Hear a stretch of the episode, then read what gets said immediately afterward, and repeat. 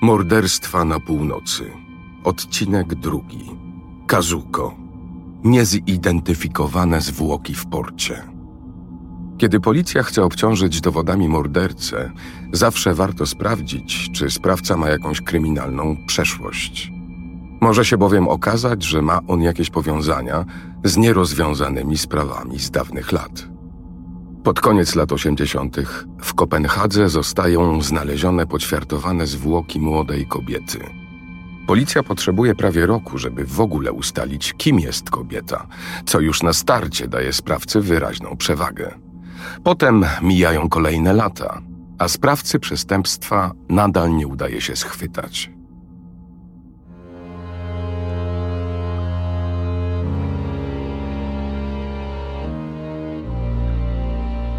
Słuchasz Morderstw na północy. Serii podcastów o kilku z najgłośniejszych przypadków morderstw Skandynawii.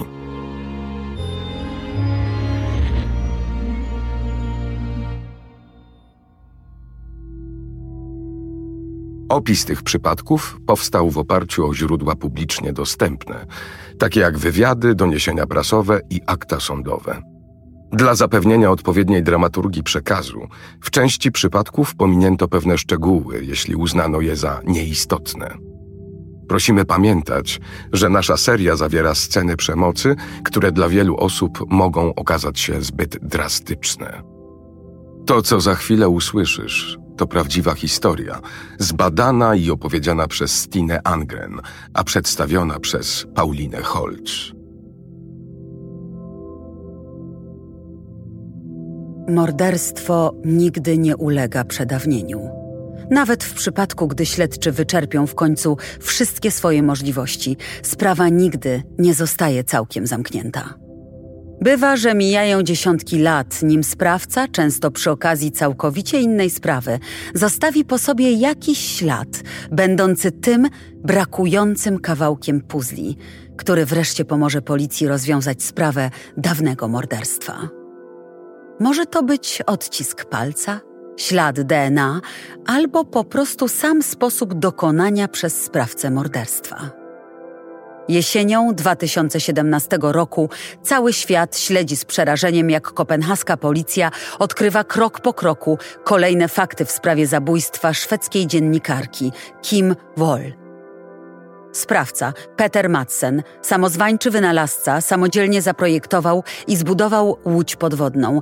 Kim Wol spotyka się z nim, by przeprowadzić wywiad, jednak po krótkim rejsie łodzią zapada się pod ziemię. Madsen próbuje zatuszować zbrodnię. Ćwiartuje zwłoki ofiary i wyrzuca części ciała za burtę zbudowanej przez siebie łodzi. To niespotykany dotąd w Danii przypadek morderstwa, relacjonowała miejscowa prasa. Ponad 30 lat wcześniej Wydział Zabójstw kopenhaskiej policji próbował rozwiązać pewną sprawę. Wszystko zaczęło się w piątkowy poranek 31 października 1986 roku, w momencie kiedy kierowca taksówki wykręcił numer alarmowy. W okolicach Islandsbrügge w kopenhaskim porcie dryfuje tułów kobiety. Od samego początku policja podejrzewa nieszczęśliwy wypadek lub samobójstwo.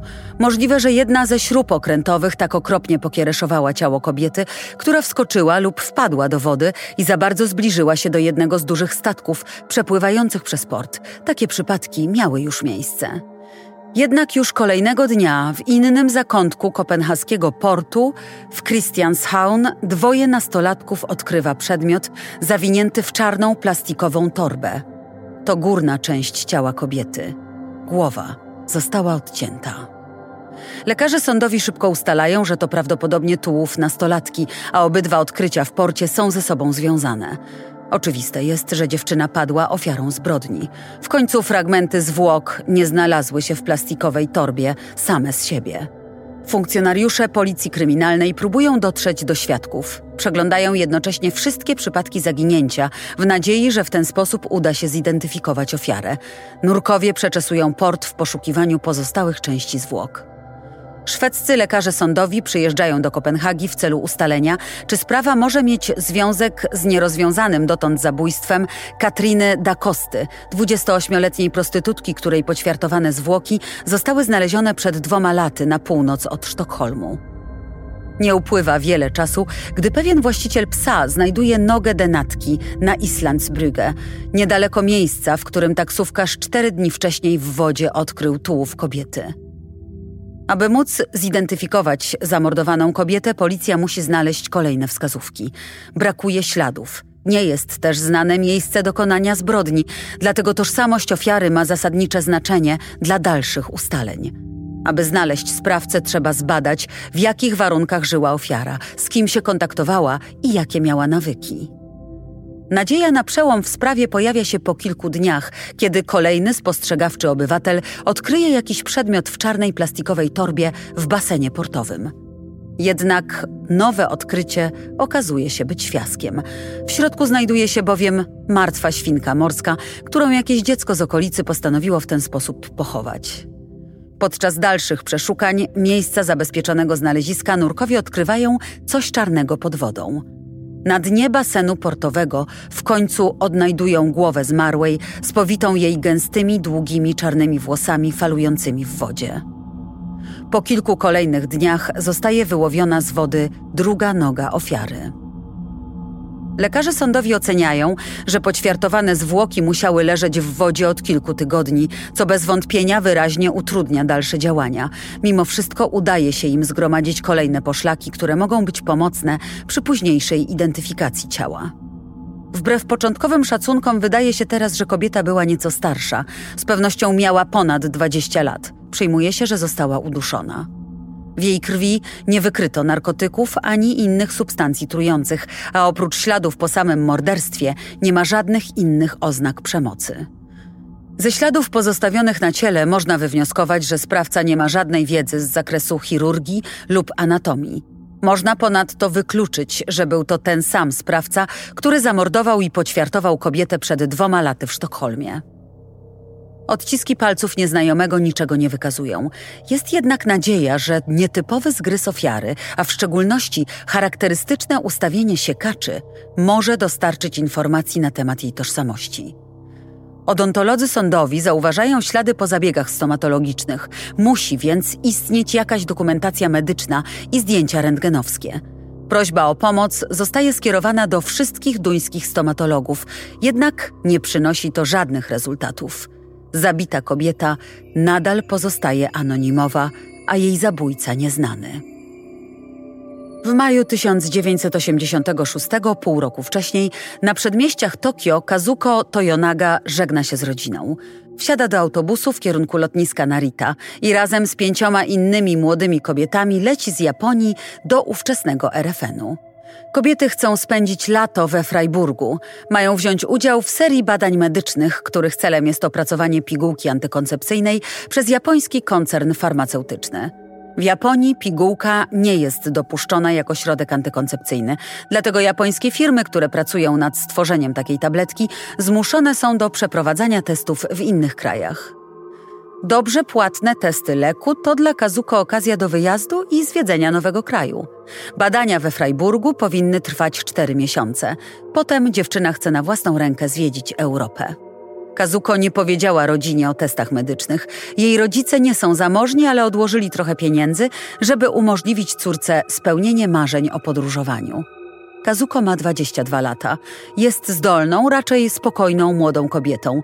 Jej chłopak jest od niej dwa lata starszy. Są parą już od trzech lat i planują wkrótce się pobrać. Jej chłopak jako jedyny wie, że podczas pobytu w Niemczech Kazuko w roli królika doświadczalnego weźmie udział w testowaniu leku.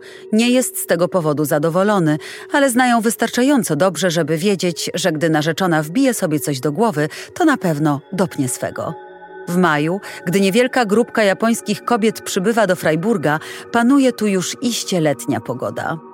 Kazuko bardzo interesuje się naukowymi kwestiami związanymi z testowaniem leków. Szczegółowo zapoznaje się także ze sposobem działania badanego preparatu. Nigdy nie była szczególnie towarzyska, jest raczej introwertyczką, dlatego podczas wyjazdu nie rozmawia za wiele z innymi jego uczestniczkami. Czas spędza raczej w samotności. Zachwyca się pięknem miasta, spaceruje przez górzyste, gęsto zalesione okolice i szerokie doliny rzeczne bezpośrednio przy granicy z Francją. Pisze też listy do rodziny i chłopaka. Od czasu do czasu ogarnia ją tęsknota za domem, a fakt, że podczas testów dopada ją choroba, nie poprawia sytuacji. Lekarze pobierają krew od 8 do 10 razy dziennie, pisze do swojego chłopaka. Czasami zwyczajnie na dłuższy czas zostawiają już raz wbite strzykawki. Któregoś dnia zrobiło mi się tak niedobrze, że zaczęłam gorączkować i nie mogli stwierdzić, co się stało. Wtedy zwyczajnie chciałam już jak najszybciej wrócić do domu, do Japonii. Chłopak martwi się o Kazuko. Od początku nie podobał mu się pomysł wyjazdu narzeczonej. Fakt, że teraz choruje gdzieś na drugim krańcu świata, zdecydowanie pogarsza tylko sytuację. Dlatego cieszy się, gdy w sierpniu nadarza się możliwość pojechania do Freiburga i odwiedzenia Kazuko. Nie widzieli się od trzech miesięcy, ale ich miłość oraz chęć wzięcia ślubu są równie silne co przedtem. Chłopak cieszy się, że testy leków wkrótce dobiegną końca. Wtedy jego dziewczyna z pewnością poczuje się lepiej. Dziewczyna jednak nadal chciałaby po zakończeniu testów w połowie września pozwiedzać Europę.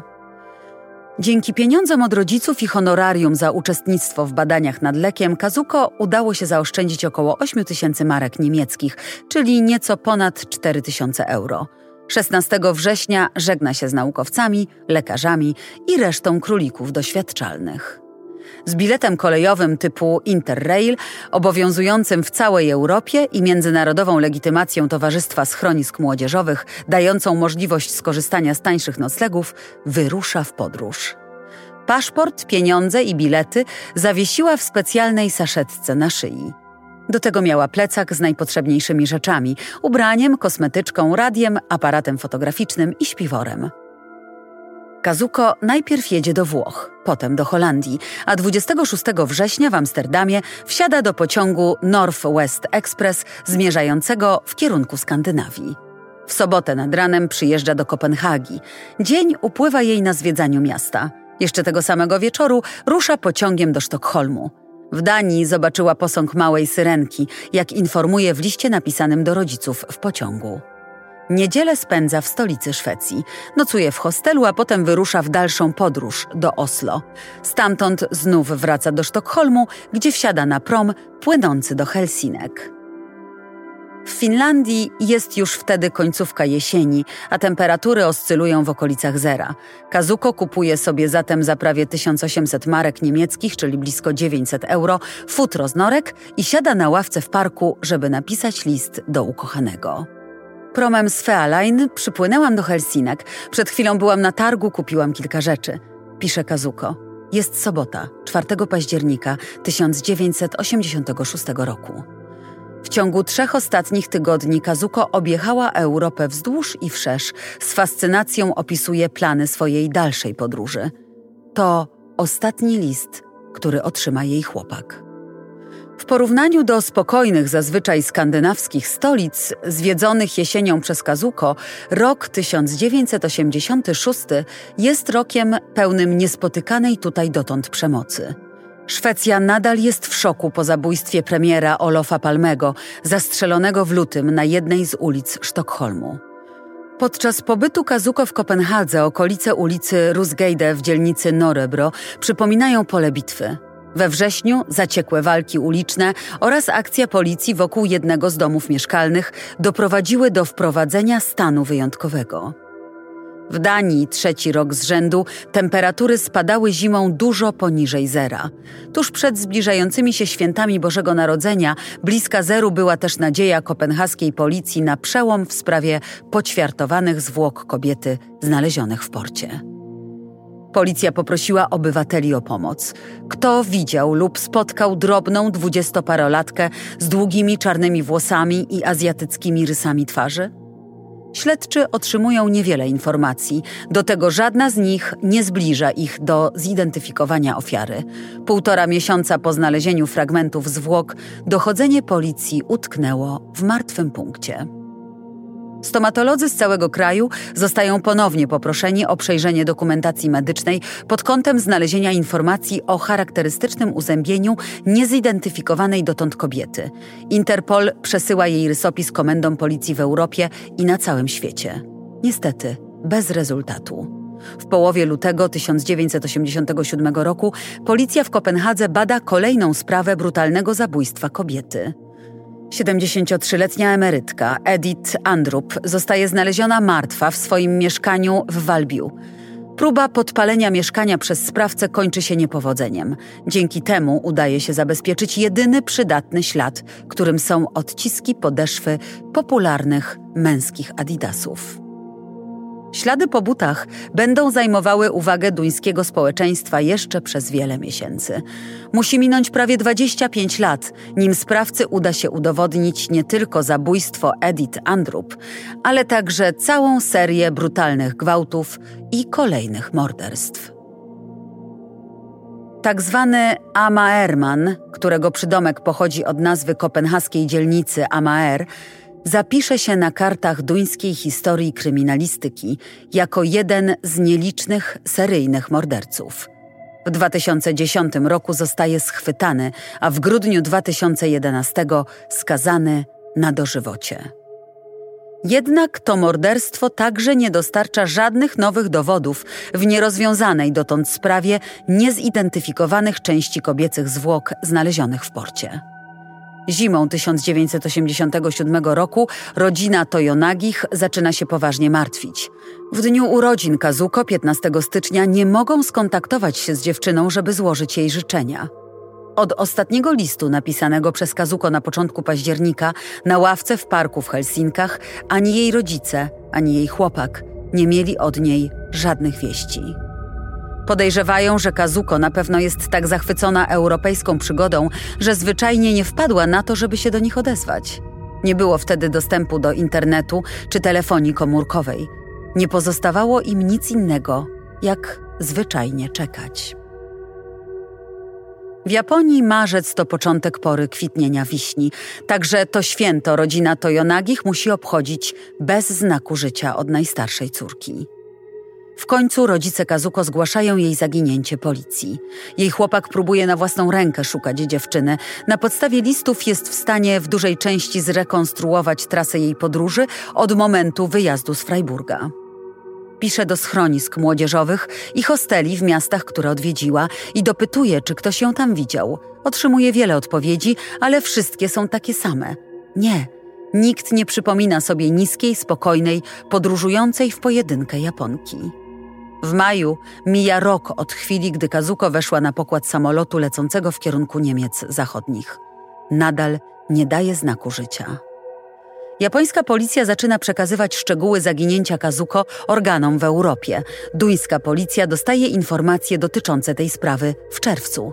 Szybko zostają zauważone podobieństwa między sprawą zaginionej Kazuko Toyonagi z Japonii i nadal niezidentyfikowanej ofiary morderstwa w porcie. Do Tokio bezzwłocznie zostają wysłane odciski palców denatki, a do Danii japońscy koledzy w tym samym czasie przesyłają protokoły z przesłuchania rodziny Kazuko. Wreszcie pojawiają się nowe punkty zaczepienia w sprawie odłożonej ponad pół roku temu na półkę. Listy od Kazuko pozwalają odtworzyć trasę jej podróży po Europie. W jednym z listów dziewczyna pisze do swojego chłopaka, że dostała strasznego bólu zęba i musiała pójść do dentysty we Freiburgu. Faktycznie, przy pomocy policji z RFN-u udaje się znaleźć stomatologa.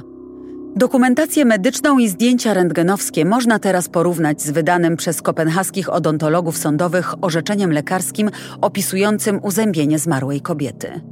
W Tokio technicy kryminalistyki pobierają odciski palców pozostawione na rzeczach należących do Kazuko, żeby sprawdzić, czy pokrywają się one z odciskami z Danii.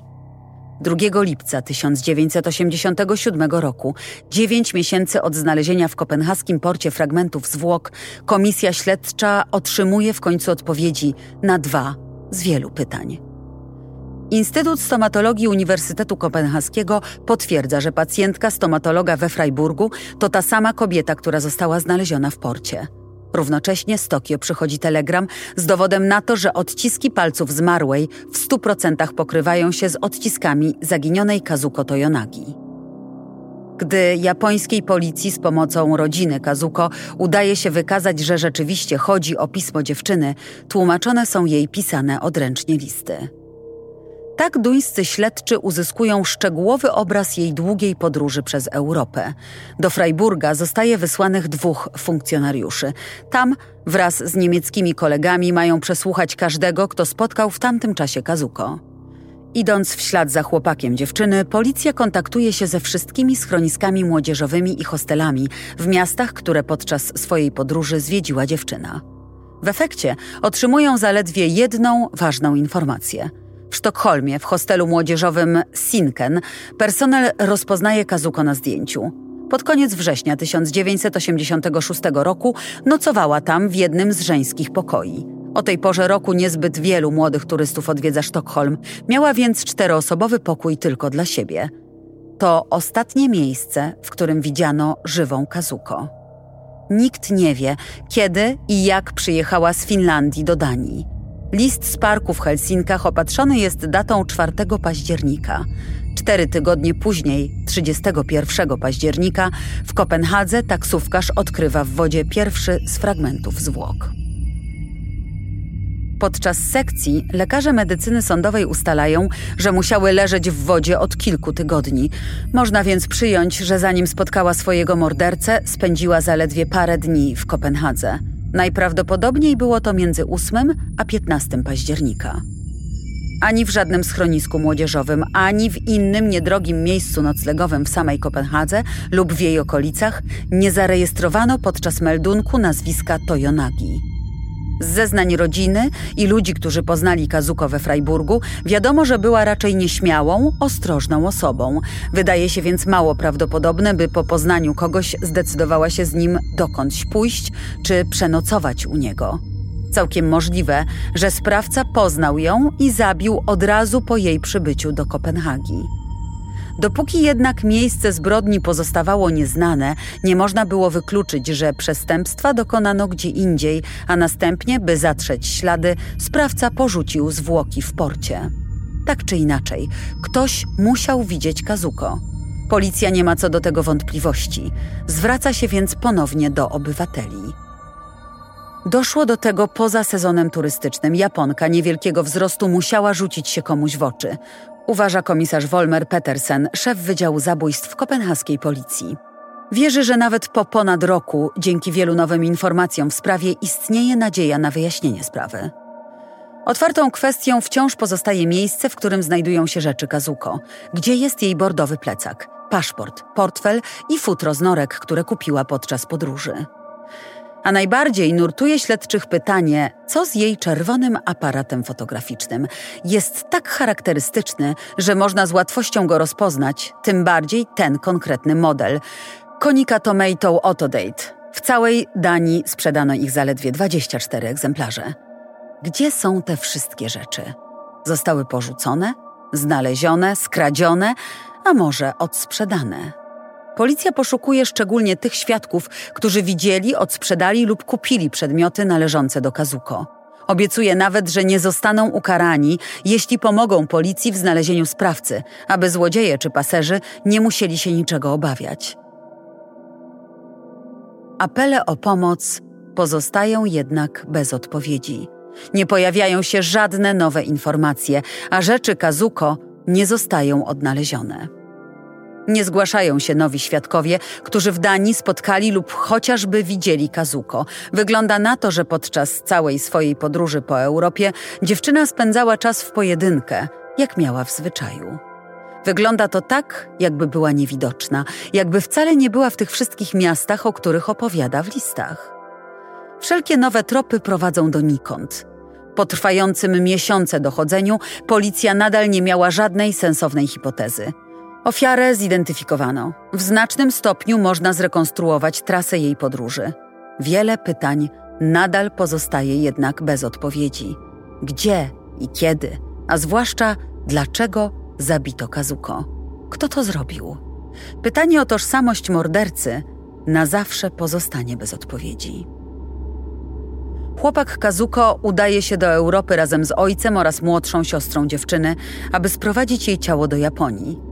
Zamiast na swój zaplanowany ślub, Kazuko wraca do domu, by zostać pochowana wśród najbliższych. Wszystkie możliwości dochodzeniowe zostały wyczerpane.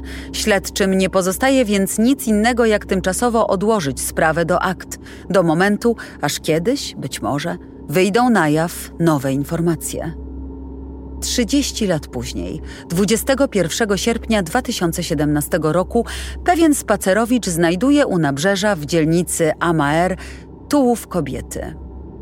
To jedenasty dzień od zaginięcia szwedzkiej dziennikarki Kim Wol.